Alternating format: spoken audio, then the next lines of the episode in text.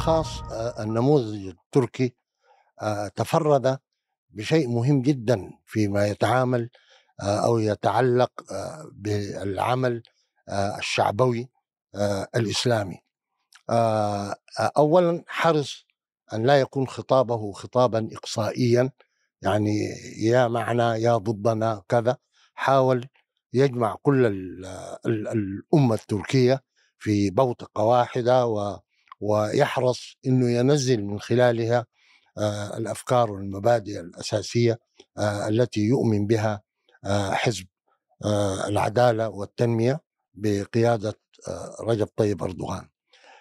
حتى الرئيس أيضا الرئيس أردوغان وصل لهذه الشعبوية الهادرة من خلال التدرج يعني لم يكن شغوفا بالسلطة والحكم بالصورة التي آه، ينشرها الإعلام الغربي عنه. يعني تدرج بأنه يكون حاكم آه، محلية أو بلدية إسطنبول ويضع بعض آه، الإنجازات من خلال تلكم الفترة وكذا. لكن في رأيي الخاص كل هذا تمخض لقبله phenomena في تركيا بالذات فيما يتعلق ب المفهوم الثقافي الديمقراطي يعني ال culturalization of democracy لأنه اهتم بالإعلام اللي هو في بلادنا آه، قليل الاهتمام به. آه، الأمر الثاني اهتم بالمراكز التوعوية كالجامعات والمراكز. أنا زرت تركيا أكثر من مرة والأخ رفيق يعني كثير الترداد آه، إلى تركيا فقد يتفق معي في هذا. آه، الملحظ الأساسي في الإعلام التركي ولا المراكز البحثية النقاش فيه قدر من العمق. يعني يتحدثون عن التحول آه، الديمقراطي بطريقة فيها قدر كبير جدا من العمق. ليس في بلادنا كأن تتحدث عن الديمقراطية يقول لك نحن في شنو وأنت في شنو. الديمقراطية ليست أولوية الأولوية آه، أسباب كسب العيش كيف العمل كيف الأكل كذا. طيب ال ال ال في رأيي الظاهرتين المهمتين التي ينبغي في مثل هذه الجلسات آه، أن يترقبها الناس هي ظاهرة إنه آه، في هذا العالم الآن الانتخابات التي يوليها لا أقول جميع الناس لكن معظم الناس أو جلهم هي الانتخابات الأمريكية. باعتبارها a global phenomena in the politics. الآن آه الانتخابات الأخيرة هذه آه ما عادت انتخابات تهم الناخب التركي فحسب مثلما هناك الانتخابات الأمريكية لم تكن تهم الناخب الأمريكي كانت تهم المواطن أينما كان في هذه القارات. فالآن تلاحظ في كل المجالس الحديث كان آه، في تلك الانتخابات. وسبحان آه، الله قدر الله ما شاء الله فعل إنه لم يفز في الجولة الأولى. وهذه كانت يعني أمر قدر أن يكون فيه قدر من الخير كثير جدا فيما يتعلق بالإعلام الغربي. لأنه لم يستطع أن يقول هذه انتخابات مزورة أو مفبركة انتخابات كذا. دي, دي ظاهره الظاهرة الثانية وهي متعلقة بقدر من الفهم الفقهي آه يعني الناس اللي يتحدثون عن الحركات الإسلامية ينبغي يعني يكون في في هذه المسألة. وهي آه، آه، في رأيي آه، مسألتين فقهيتين مهمتين في مسألة إنزال أمر الحكم هذا منزلة الواقع للشعوب. وهي مسألة أنه فقه التقية. فقه التقية هذا عمل به الشيخ الدكتور حسن عبد الله الترابي رحمه الله لكن لم يعني الإعلام لم يمهد له ولم يعمل بعده لتفهيم هذا المغزى. عندما قال للبشير آه اذهب إلى القصر رئيسا وأنا إلى السجن حبيسا. اتهم بهذه المسألة فصار متهوما بأنه كذب وضلل. بينما هو أراد غير ذلك أراد أن يقول أنني إن أعلنت نفسي قائدا لهذه لهذا الانقلاب سميه ما شئت. آه، كل العالم تتجه ضدي. طيب هنا مع هذا الفقه نزل فقه آخر اللي هو دفع الضرر مقدم على جلب المنفعة. كان من باب أولى بعد عام أو عامين آه، يأتي الشيخ آه، ويتسنم زمام الأمر ويكون عيانا بيانا هو الرئيس. لكن الضرر كان حيكون أكبر. فأردوغان تعامل مع هذه المسألة حتى وإن لم يكن آه، بقصد مقصود. بمعنى أنه تدرج في الحديث الذي تذكرته آنفا ولم يقصي أحدا. هذا من باب الطغية لم يغير كل الوزراء يأتوا من ذات الحزب وكل الكذ يعني دواوين الدولة كلها تتغير هذا لم بس أنا مش موافق على استخدام كلمة التقية هنا الحقيقة لأنه التقية لها معنى اصطلاحي. نعم هذا هذا أمر آه، وجدت فيه قدر من الخلاف لأن بعضهم يظنون أن هذا المصطلح مصطلح لفئة لا لأنه لا أنت يعني طبعا موضوع الشيخ حسن الترابي أنا لي فيه كلام كثير لأنه أجريت معه مراجعات. أيوه في المراجعات. وهو أخبرني أنه نادم على هذه على على ما فعله. هذا التي لأنه لما راح هو السجن تآمروا عليه الجماعة اللي برا وابعدوه واخصوه فيعني لم تكن تجربة ممتازة. لكن, لكن مع, مع نجحت. لكن فيما يتعلق بأردوغان فيما يتعلق بأردوغان ما فعله أردوغان لا يعتبر تقية هو واجب عليه. أنت في المنظومة الديمقراطية لا يمكنك أن تقصي الناس جزافا. لا لا أقصد تدرج. يعني بقى من من حاكم لبلدية هذا مختلف. هذا في كل البلدان الديمقراطية. لا يعني هنا رئيس الوزراء لا لا لحظة. يكون في البداية قد بدأ السلم السياسي في البلدية. لما استلم الحكم كان من باب أولى يغير الدستور يعمل هو, هو لا يستطيع مشى لا يستطيع. لا مش كيف هو في هو منظومة ديمقراطيه هو عفوا أستاذ إمام هو في في في خلاف في موضوع التجربة التركية إنه هي القصة مش قصة تقية.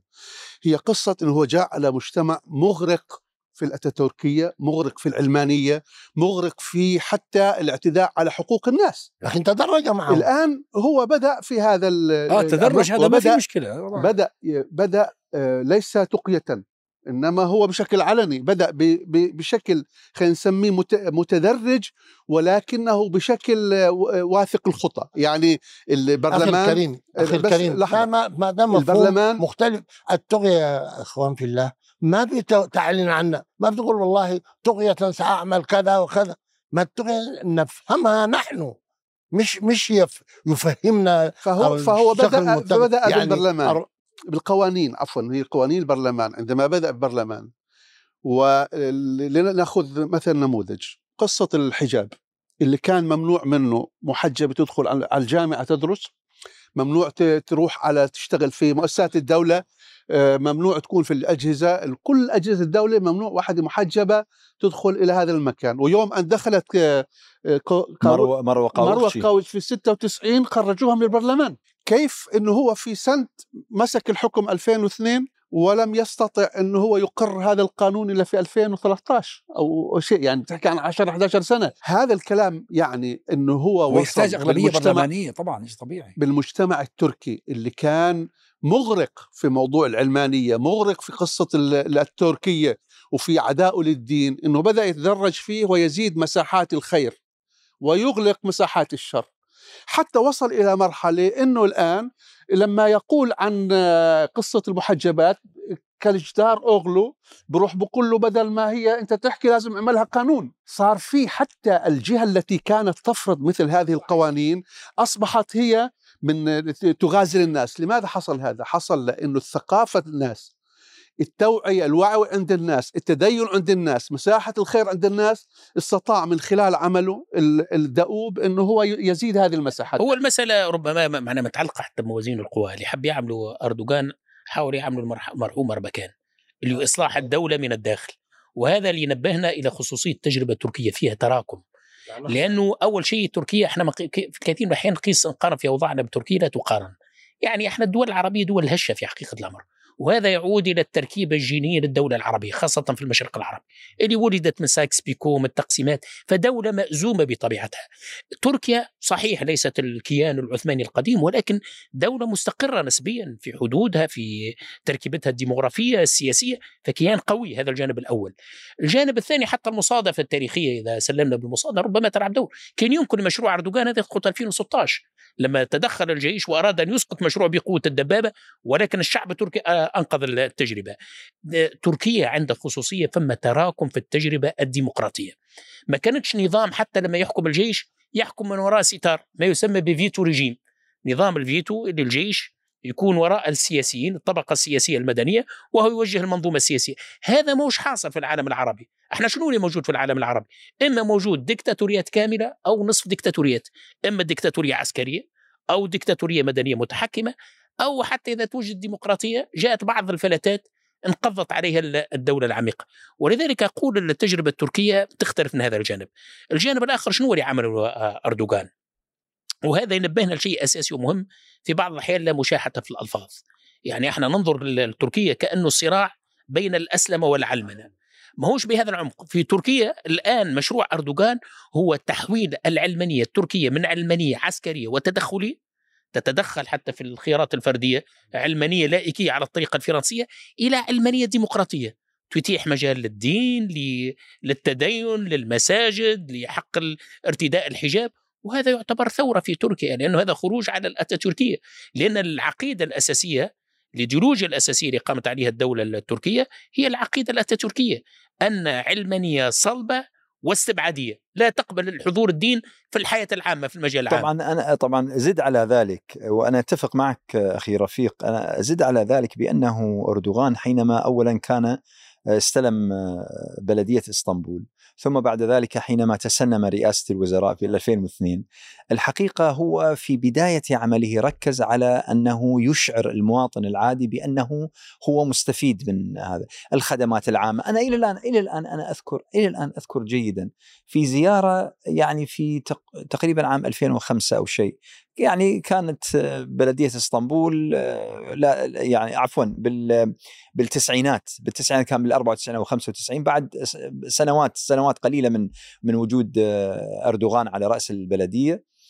وأذكر أنه التركي الذي كان يرينا بعض الأماكن كان يقول بأنه رئيس البلدية سمح لنا بأنه في الأعياد المواصلات كلها ببلاش. طيب. وهذا وهذا يعني الشخص كان يعني يتناول حتى الخمور كان يعني رجل ما هو لا إسلامي ولا هم يحزنون.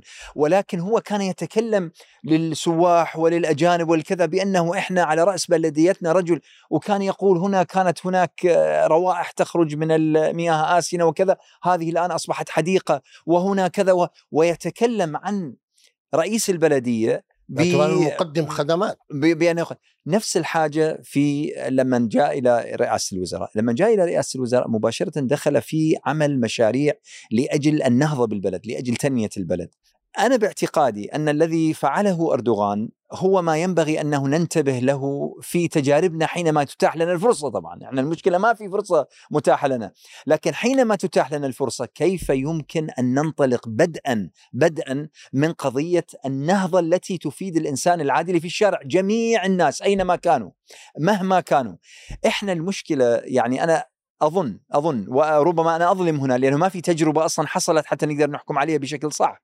ولكن الخشية بأنه آه، نأتي ومباشرة القضية الأيديولوجية تكون هي الحاكمة وهي ما حصل هذا يا ناس ما حصل. آه لا, حصل لا في تجربة مصر ولا في تجربة لا تونس. أقول لك هو شوف في تجربة مصر دكتور مرسي رحمة الله عليه ومعه الوزراء اللي اشتغلوا معه حتى ما معظمهم ما زالوا في السجون حتى الآن ومنهم من قضى نحبه. كانوا يريدون أن يعيدوا الاعتبار للخدمات للناس. الحقيقة كان في معركة هائلة. المعركة لم تكن معركة فكرية ولا أيديولوجية. المعركة كانت على تحرير الوقود من أيدي الحرمية على إعادة الاعتبار لرغيف الخبز اللي كانوا يغشوه. ولما بدأت هذه الجهود تؤتي أكلها جن جنون من يتربعون على العروش في بعض الدول العربية. فسارعوا إلى يعني أنت توجيه الضربة. أنا سمعت في الدعاية الانتخابية الأخيرة في تركيا أردوغان يردد شعار باللغة العربية وهو طبعا هو في الأصل حديث يلخص كل هذه الحالة. كان يردد خير الناس أنفعهم للناس. وهذا طبعا هو جزء من حديث للرسول صلى الله عليه وسلم.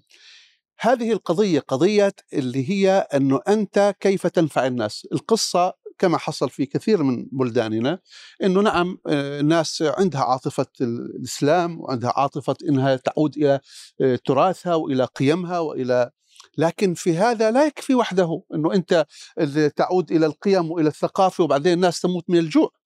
قضية إنه خير الناس أنفعهم للناس وهذا الذي قام به أردوغان وبالتالي عندما آه، سئلت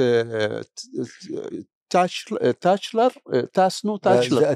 تانسو تشيلر؟ تانسو تشيلر. اللي هي كانت شركة أربكان نعم. 97 آه، المعارضة تقول أنه نريد أن نحاكم أردوغان. فهي في هذه الانتخابات تقول على ماذا تريدون أن تحاكموا أردوغان؟ كانت ديون آه، تركيا قبل أن يأتي 291 مليار وهو سددها البنك الدولي. كانت شوارع تركيا كذا كانت وتعدد مثل هذه الأمور. هذه القضية الآن التي يجب حتى على الحركات الإسلامية العربية في بلادنا أنه إحنا كيف يمكن أن نقدم للناس الخير؟ كيف يمكن أنه ليس فقط القضية المبادئ فيما لو صار طبعا إسلام الحكم كيف يمكن أنه أنت تكون خير الناس أنفعهم للناس؟ وهذا المنهج حتى منهج الراشدين منهج أبو بكر منهج عمر كيف كانوا هم يقدم الخيرية للناس وينفع الناس. أعتقد إنه هذه كانت مهمة جدا في معركة الانتخابات التركية وهذا اللي جعل آه، أردوغان آه، هاي ال 25 سنة الآن 21 سنة وكذلك أربع سنوات في البلدية. هو المشكلة انه ما يتركوكش في بلداننا العربية. وربما هذه خصوصية العربية لنا. التجربة الديمقراطية في تركيا مثل ما ذكرنا تراكمت لسنوات لعقود طويلة من الزمن. وربما استفادت من الهامش أيضا وجودها أو دق ابواب أوروبا. عليها اشتراطات يعني بالأجندة الأوروبية لازم تكون فيها مواصفات هذا مش مطروح في العالم العربي. مجرد أنك أنت تواجه يعني مجتمع وتحاول أن تحل مشكلاته الأساسية الاقتصادية والاجتماعية إلا وتشتغل معناها شياطين الإنس والجن معناها لتكبيرك وإسقاطك. يعني وعملية الأدلجة هذه وتحويل الصراع من سياقه السياسي إلى سياق الإيديولوجي في الغالب القوى المناوئة للإسلاميين والديمقراطية التي تحاول أن تفرض أجندة إيديولوجية. اطرحوا موضوع أسلمة الدولة والعلمانية والنمط المجتمعي. استخدموا مصطلح يعني الاخونه يستخدم هذا وطلع كذب. لا وجود له. لا وجود له. واليوم نسمع في تونس نفس الشيء اخونه الدولة. إحنا في تونس شنو الاخونه نعمل ولا شيء يعني. لأن خصومك لا يريدوا أن يتركوا تشتغل. فتصير تشت... يعني يشغلوا الآلة الإيديولوجية ويثيروا قضايا هامشية ما عندها علاقة باهتمامات الناس. يعني قضية العلمنة. هل العلمانية مطروحة ما يسمى بالمشروع المجتمعي. وما يسمى معنا بش اسمه هذه أسلمت الدولة وكذا كل الكلام فاضي تعرف رفيق هذا يعيدني للكلام اللي أنت ذكرته سابقا. أنا أظن أن الصراع في تركيا اليوم يعني اسمح لي شوية يعني اختلف بسيطا يعني في طريقة التوصيف. ليس بين اتاتوركيه وعلمانية من نوع آخر إنما هي معركة على الحرية فقط. فقط لا غير. يا أخي خلي الناس زي ما كان الرسول صلى الله عليه وسلم يتحدى أهل قريش أهل مكة خلوا بيني وبين الناس. هي مشكلة المنظومة التي كانت تحكم في تركيا من منذ أتاتورك لحد انقلاب ما بعد انقلاب 1997 هي أنها لا تسمح بالحريات الأساسية للناس. يا أخي خلي الناس زي ما كان الشيخ راشد الله يفك اسره كان يقول قال لو الشعب انتخب الشيوعيين سنحترم حقهم في الاختيار ولكن سنحاول أن نقنعهم بأنهم أساءوا الاختيار اضمن لنا هذه الحرية والباقي كله حيكون تمام. المشكلة أنه في عندك أنت وليه مثلا التخوف الحقيقة مش من أداء الحركات الإسلامية؟ يعني أنا شايف أنه بعض الأوقات نحن نجلد ذاتنا أكثر من اللازم من اللازم. المشكلة أنه في عندك ذئاب موجودة فيما يسمى بالدولة العميقة لن تسمح لأحد بأن يحرمها امتيازاتها. هذه هي معركتنا الحقيقية. لكن ربما صحيح فيه هذا أن في بعض أجنحة من الإسلاميين ما يسمى بالتيار السلفي وكذا هذول مع ولي الأمر. مهووس أيضا بالقضايا العقائدية والإيديولوجية. يصير يطرح. هذوما هما عبارة نسخة من الطرف الآخر. تشي في حالة استقرار بين متطرف الاسلاميين ومتطرف العلمانيين باتجاه طرح أجندة إيديولوجية. كلما وجدت الأمة مكان للفرح بيطلعوا. هذول مشان يعطلوا على الأمة فرح ال ال كل الأمة وهذا برضه بنرجع لقصة في واحد تركيا. كتب لي في واحد كتب لي بيقول لي في واحد معلق على نتائج الانتخابات في تركيا وعلى الديمقراطية يبدو إنه مش عاجبه. يا أخي في ناس إيش اللفظة اللي نستخدمها هنا؟ حمقى لا يفهمون لا ما هي الديمقراطية ولا ما هو الإسلام وللأسف أصبح لديهم منابر يجلسون في هذه المنابر ويتعالمون على الناس. وينشرون أقوالهم ويضللون بها فئات كثيرة من الناس، أنا أقول لهم اتقوا الله، يوم القيامة تسألون عن هذا التضليل يعني الذي الآن يضلل الآن الناس. الفرح اللي اللي اللي وجدت فيه الأمة بشكل عفوي في موضوع الانتخابات والله فرح التركية عظيم وفوز فرح عظيم والله. فوز أردوغان. والله فرح عظيم. هذا الفرح العظيم أنا أعتقد له عدة دلالات، الدلالة الأولى إنه كم شوق الأمة إلى بطل وشخص يكون بهذه ال- ال- المكانة وبهذه الشخصية وبهذه الكاريزمية ويقف ويتحدى الغرب ويتحدى الكيان الصهيوني على ويقف- من يوم آه، دافوس. من يوم ما وقف واحتج في دافوس. هذه واحد. اثنين شعر الناس بالعزة. ال- ال- الدلالة الثانية كم عمق الشوق أمتنا للحرية. وإنهم يرون في هذا إنه الناس تجلس وتنتخب وتذهب 99 88% و 85% الانتخابات كم هم آه، يتشوقون إلى مثل هذا ال ال- هذا ال- ال- ال- الانتخاب هذه الحرية. والقضية الثالثة كم هم بش يعني بشوق إنه آه، يجدوا شخص آه، زي ما بقول يسندوا إليهم آه، ظهورهم في هذه في هذا الظلام الموجود. شخص يدافع عن المظلومين يدافع عن المستضعفين. يا رجل أنا رأيت ناس في في في تركيا من العرب. من اللاجئين من كذا. النساء التي تهلل النساء التي تزغرد النساء التي تفرح الأولاد الذين يطير كل هذا الفرح هو إن دل على شيء يدل على أن يا أبو أنس كنا هذا الرجل- يوم الأحد العصر لما طلعت النتائج وصارت موجود 99% لا أنا كنت هنا في في الحديقة ومع الوالدين ومع الأسرة. قام والدي وسجد سجود شكر.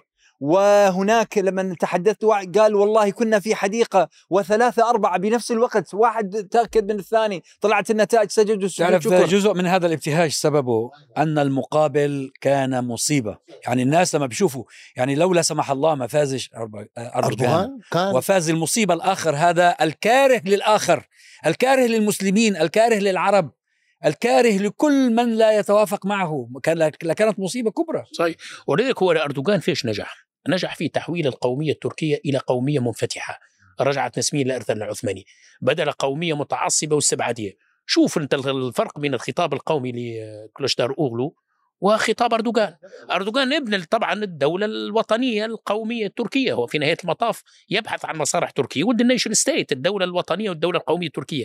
ولكن قوميته منفتحة. منفتحة. يريد نعم، ان ينفتح نعم. على بقية المكونات الإسلامية. والجانب الإسلامي يهذب القومية التركية وهذب القومية التركية. مقابل قومية متعصبة. وقو والجانب الآخر لا يريد أن يغير أيضا التوجهات الأساسية للدولة لكن يريد أن يحولها من علمانية تدخلية تسلطيه إلى علمانية يعني تتيح مجال الحرية. ومجال معناها خاصة آه، قضية ال- الحريات ال- الدينية. أنا تقديري القضية لا تتعلق بالجانب الفكري. الإخوة الأتراك مع كل احترام يعني تجربة ناضجة ولكن ليسوا منتجين للأفكار.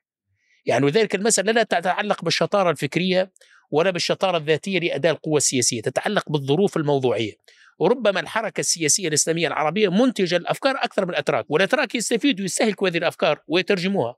في هذا الجانب أنا سمعت أحد مفكرين حزب العدالة والتنمية وكان بصراحة يتحدث عن قضية الجانب الفكري بشكل أساسي ويقول آه، أنه آه، اللي هو الدكتور عمر آه، كوركماز كان يقول أنه إحنا في فترة المئة سنة وحتى قبل ذلك في نهاية الدولة العثمانية لما انحطت الدولة و وتراجعت أصبح في عند في العنصر الت- التركي مغلق على نفسه انغلاق لا يمكنه كثيرا من التطور.